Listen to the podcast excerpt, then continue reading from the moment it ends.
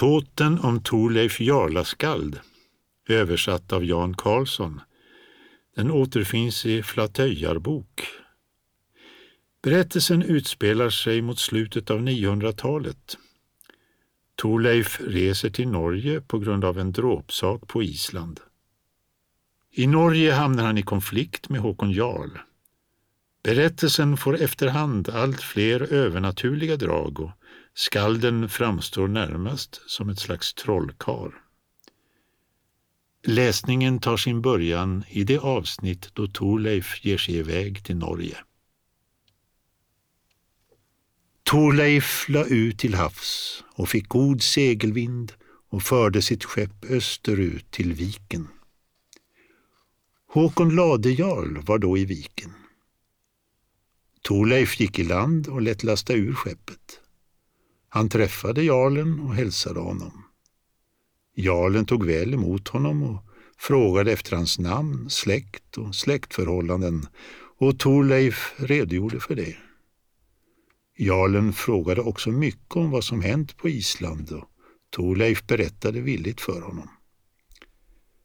Då sa jarlen Så är det, Torleif, att vi vill att du och din besättning säljer till oss. Torleif svarade Vi har inte så mycket gods, herre, och för oss är ändå andra köpare lämpligare. Så låt oss själva bestämma och sälja våra varor till dem vi vill. Jarlen tyckte att han svarade uppstudsigt och ogillade hans ord mycket och de skildes efter det. Torleif gick nu till sina män och sov där över natten.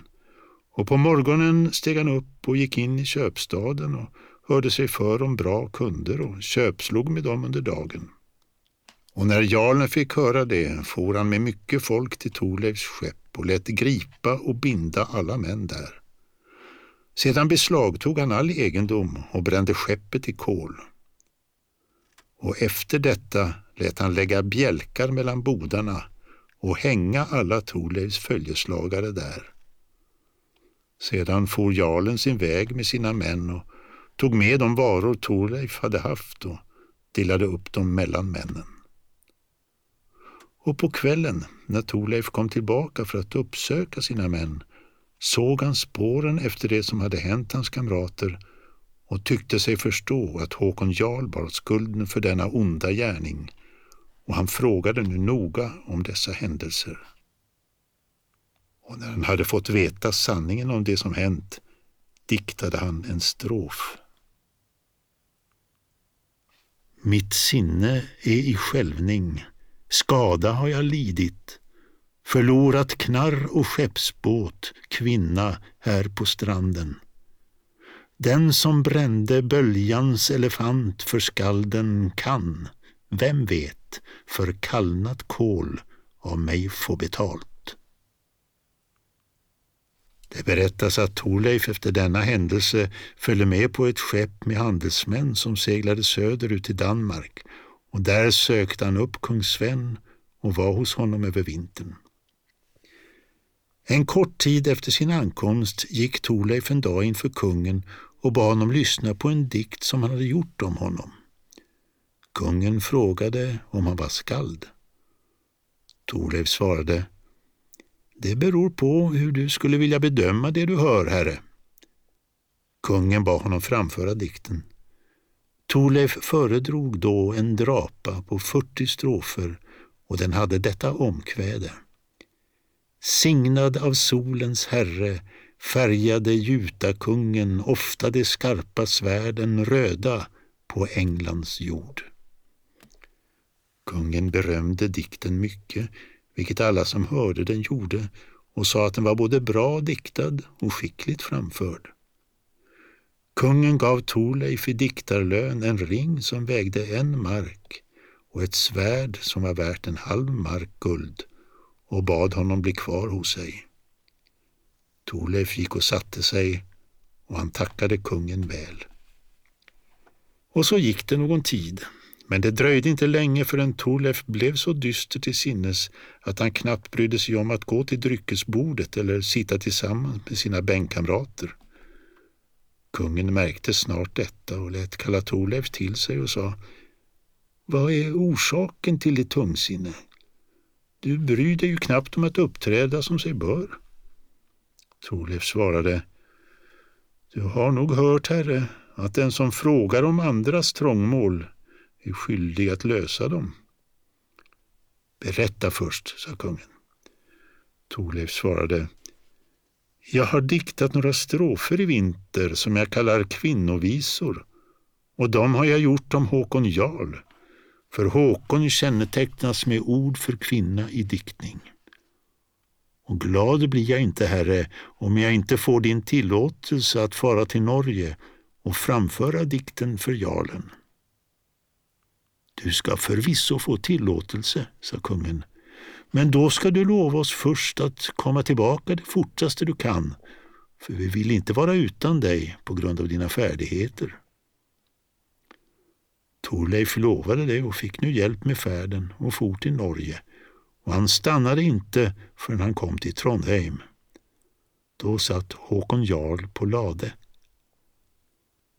Torleif gjorde nu åt sig en tiggarsträkt och band på sig ett getskägg och tog en stor skinnsäck som han hade under tigardräkten och han ordnade så att alla skulle tro att han åt den mat han lät falla i säcken för dess öppning var uppe vid munnen under getskägget. Sedan tog han två kryckor och det fanns en brodd ner till på var och en och gick tills han kom till Lade. Det var på julaftonen, vid den stund då jarlen hade tagit plats vid bordet, liksom många stormän som han bjudit till julfesten. Gubben gick raskt in i salen. Men när han kom in vinglade han kraftigt och satte kryckorna hårt och gick till de andra tiggarna och slog sig ner ytterst i halmen. Han var vrång mot tiggarna och rätt hårdhänt och de tålde illa att han gav sig på dem i stavarna. Hon drog sig undan och av detta blev det ett sådant liv att det hördes i hela salen. Och när jarlen märkte detta frågade han vad som orsakade oljudet. Man sa till honom att det hade kommit en tiggare som var så ilsken och omedgörlig att man måste göra något åt det. Jarlen bad att man skulle kalla fram honom och det blev också gjort. Men när gubben kom fram till jarlen hälsade han mycket kort. Jarlen frågade honom om namn, släkt och var han var född. Ovanligt är mitt namn, herre, för jag heter Nidung Gjallandason och härstammar från Syrgisdalarna i det kalla Svitjod. Jag kallas Nidung den noggranne. Jag har farit vida omkring och besökt många hövdingar. Nu är jag på väg att bli så gammal att jag knappt kan säga min ålder för glömska och ålderdoms skull. Jag har hört mycket om er som hövding och om er hårdförhet, visdom och vänskap, rättsskipning och rättframhet, frikostighet och allt ni förmår. Varför är du så olik andra tiggare, så styvnackad och svår att umgås med? Han svarade, vad kan man inte vänta sig från den som saknar allt utom nöd och elände och inte har det som behövs och som länge har legat ute i skog och mark annat än att han blir rasande över åldrandet och allt sammans, van sedan tidigare vid ett liv i ära och överflöd hos de förnämsta hövdingar, men nu hatad av varenda liten bondlurk. Jarlen sa kan du några konster, kar? Eftersom du säger det har varit hos hövdingar? Gubben svarade att det kan så vara, att han något har befattat sig med det, då jag var i unga år. Det går dit hän som sagt det att gubben är på väg att bli skröplig. Det sägs också att den hungrige har svårt för att skryta. Jag kommer heller inte att skryta om dig, herre, om du inte låter mig få äta. För så trycker mig ålderdom, hunger och törst att jag knappt kan stå upprätt längre. Det är verkligen inte hövdinglikt att fråga okända människor om allt möjligt utan att tänka på vad de tarvar, för alla är av naturen så skapade att de behöver både mat och dryck.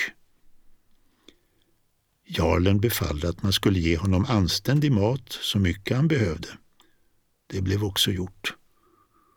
Och när gubben gick till bords grep han sig raskt maten an och tömde alla fat som fanns i närheten och han kom över så mycket att tjänstefolket måste hämta mat en andra gång. Gubben satte i sig maten lika glupskt som förut. Alla trodde att han åt, men han kastade i själva verket maten i säcken som förut sades. Nu skrattade folk mycket åt den gubben. Tjänstefolket sa att dels var han stor och dels tjock på mitten så han kunde äta mycket. Gubben fäste sig inte vid detta och gjorde som förut. Och när dryckesborden var framme gick gubben Nidung fram till jarlen och sa Ha nu tack för detta, herre, men du har dåligt tjänstefolk som gör allt sämre än du säger till om. Men nu skulle jag vilja, herre, att du nedlät dig till att lyssna på en dikt som jag har gjort om dig. Jarlen sa, har du tidigare diktat något om hövdingar? Sant är det, herre, sa han. Jarlen sa, det är ett gammalt talesätt, att gott är ofta det de gamla diktar. Så framför din dikt, kar, och vi ska lyssna. Då stämde gubben upp sin dikt och mässade fram till mitten och jarlen såg beröm i varje strof och märkte att det också sades en del där om hans son Eriks storverk. Men när dikten fortsatte började jarlen känna sig lite underlig för en stor oro och klåda for över hela buken på honom och mest av allt över skinkorna så han på intet vis kunde hålla sig lugn. Och så uppseendeväckande var denna oro att han lät riva sig med kammar där de kom åt. Men där de inte kom åt lät han binda tre knutar på en bit säckväv och två män drog den mellan skinkorna på honom. Nu började jarlen tycka illa om dikten och sa kan du inte dikta bättre, din satan? Detta tycker jag snarare är förtal än beröm. Och låt det bättra sig, annars blir du bestraffad. Gubben lovade det och stämde då upp de visor som heter Dimvisorna och står i mitten av jalsnidet. Och så här börjar de. Dimma drar upp från öster. I väster växer en storm. Röken efter rånet har kommit ända hit. Och när dimvisorna var till ända var det mörkt i salen. Och när det hade blivit mörkt i salen återgick han till jarlsnidet och när han mässade den sista tredjedelen så var varje vapen som fanns i salen i rörelse utan att röras av människohand och det blev många mäns död. Jarlen förlorade då medvetandet men gubben försvann bort mot de stängda men olåsta dörrarna. När dikten var slut minskade mörkret och det blev ljust i salen. Jarlen återfick samsen och märkte att en nidet hade gått nära in på honom. Spåren efter det visade att jarlen hade tappat allt skägg och håret på ena sidan hade fläckar och där växte aldrig mer något hår. Nu lät jarlen städa salen och de döda bars ut. Han tyckte sig nu förstå att detta måste ha varit Torleif och ingen annan än han som nog velat ge igen för förlusten av män och egendom. Jarlen plågades nu av detta hela den vintern och en stor del av sommaren.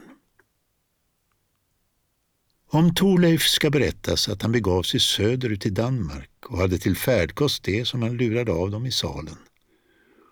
Och vare sig vägen var lång eller kort så stannade han inte förrän han fick träffa kung Sven och denne tog emot honom med glädje och frågade om hans resor. Torleif berättade allt som hade hänt. Kungen svarade Nu ska jag förlänga ditt namn och kalla dig Torleif Jarlaskald. Så diktade kungen en strof. Torleif minskade äran för tröndernas hövding. Folk har burit nidet genom många bygder. Han förde till jarlen en dikt där den rike lönades för det onda brottet mot vågens lejon. Torleif sa till kungen att han ville ut till Island och bad om lov att resa redan till våren. Och kungen sa att så skulle det bli och jag vill ge dig ett skepp i namngåva med män och utrustning och sådan last som du kan behöva. Nu var Torleif där över vintern och hade det bra och i de första vårdagarna gjorde han skeppet i ordning och gick till sjöss. Vinden var god så han kom till Island med sitt skepp och in i den å som hette Tjorsa. Folk säger att Torleif gifte sig på hösten med en kvinna som hette Aud. Hon var dotter till Tord som bodde i skogar under Ejafjäll. Aud var en mycket duglig kvinna. Torleif satt över vintern i skogar. Våren därefter köpte han mark vid Höftabräcka i Mydal och bodde sedan där. Men nu återvänder vi till Håkon Jarl som till största delen tillfrisknade från sina plågor. Men en del säger att han aldrig blev densamme som förut. Och jarlen ville nu, om han kunde, gärna hämnas på Torleif för denna förnedring. Han kallade på sina förtrogna, Torgard Hörgabrud och hennes syster Irpa, för att de skulle skicka en trolldom till Island som gjorde slut på Torleif och han bringade dem stora offergåvor och frågade dem till råds. Och när han fick det svar han ville ha lät han ta ett stycke drivtimmer och göra en träman av det och med hjälp av svartkonst och formler och systrarnas trolltyg och häxkonster lät jarlen döda en man och ta ur honom hjärtat och sätta det i trämannen. Han klädde honom sedan och gav namn och kallade honom Torgard. Han laddade honom därefter med så mycket kraft från djävulen att han kunde gå runt och tala med folk. Han skaffade sedan en skeppsplats åt honom och sände iväg honom till Island med ärendet att döda Torleif Jarlaskald. Håkon satte ett spjut i hans bälte som han tagit från systrarnas hov och som Hörgi hade ägt. Torgard kom till Island vid den tiden när folk var på alltinget. Torleif Jarlaskald var på tinget. En dag, när Torleif gick från sin bod, fick han se en man som gick över Öxara västerifrån. Han var storväxt och såg elak ut. Torleif frågade mannen vad han hette. Han kallade sig Torgard och hävde genast ur sig något fientligt till Torleif. Och när Torleif hörde det tänkte han dra svärdet, kungagåvan som han hade i bältet. Men i samma stund stack Torgard spjutet i midjan på Torleif och det gick rakt igenom honom. Och när han fick sticket högg han till Torgard som störtade ner i jorden med fotsulorna uppåt. Torleif drog åt sin kappa och diktade en strof.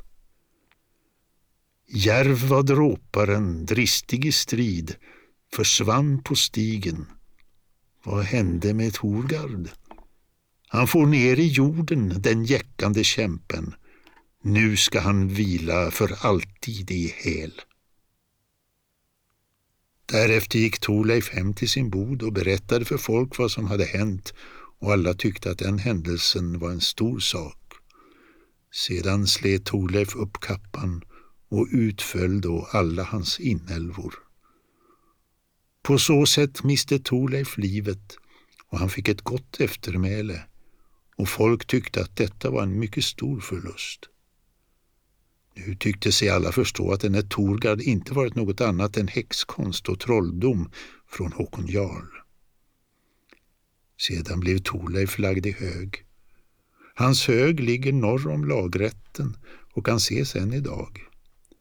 Hans bröder var på tinget när detta skedde och gjorde så att Torleifs begravning blev hedersam och de ärvde honom enligt gammal sed. Deras far Asgeir hade dött något tidigare.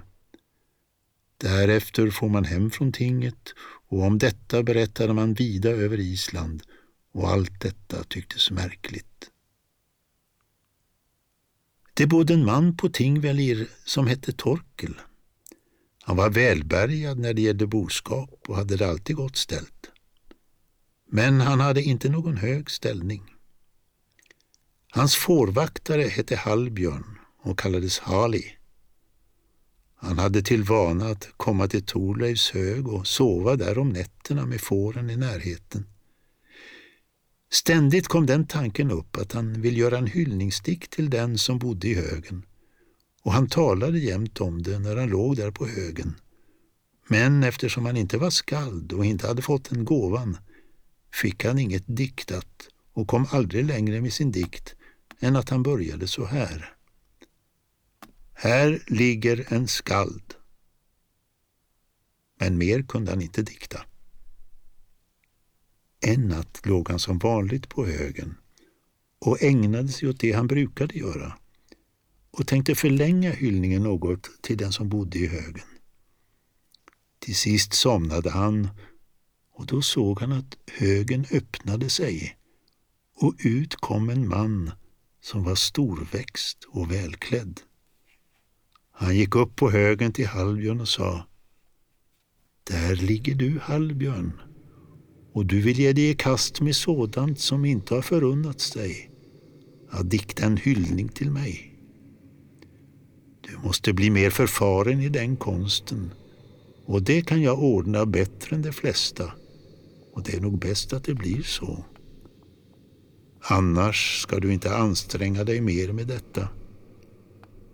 Jag ska nu framföra en strof för dig och om du kan lära dig den strofen och kan den när du vaknar, då kommer du att bli omtyckt skald som diktar hyllningar till många hövdingar och du kommer att bli mycket skicklig i den konsten. Sedan drog han honom i tungan och framförde denna strof. Här ligger en skald, bland skalder han prisats och ärats mest. Han diktade om Håkon och smidde nid om honom. Ingen annan har hämnats så järvt och hårdfört på någon. Den skändliga stölden blev klandrad och orden är kända av alla. Du ska nu börja ditt diktande med att göra en hyllningsdikt om mig när du vaknar och vara omsorgsfull med både versmått och ordval och mest av allt med kenningarna. Sedan gick han åter in i högen och den slöt sig. Men Hallbjörn vaknade och tyckte sig skymta axlarna på honom. Han mindes strofen efter en tid gick han hem till bygden med sina får och berättade vad som hänt. Halvbjörn gjorde sedan en hyllningsdikt om högens invånare och blev en storslagen skald, for snart utomlands och diktade om många hövdingar och fick av dem mycket ära och goda gåvor och tjänade på det en förmögenhet. Och stor är sagan som berättas om honom, både här i landet och utomlands fast den inte skriven här. Och här slutar berättelsen om Torleif.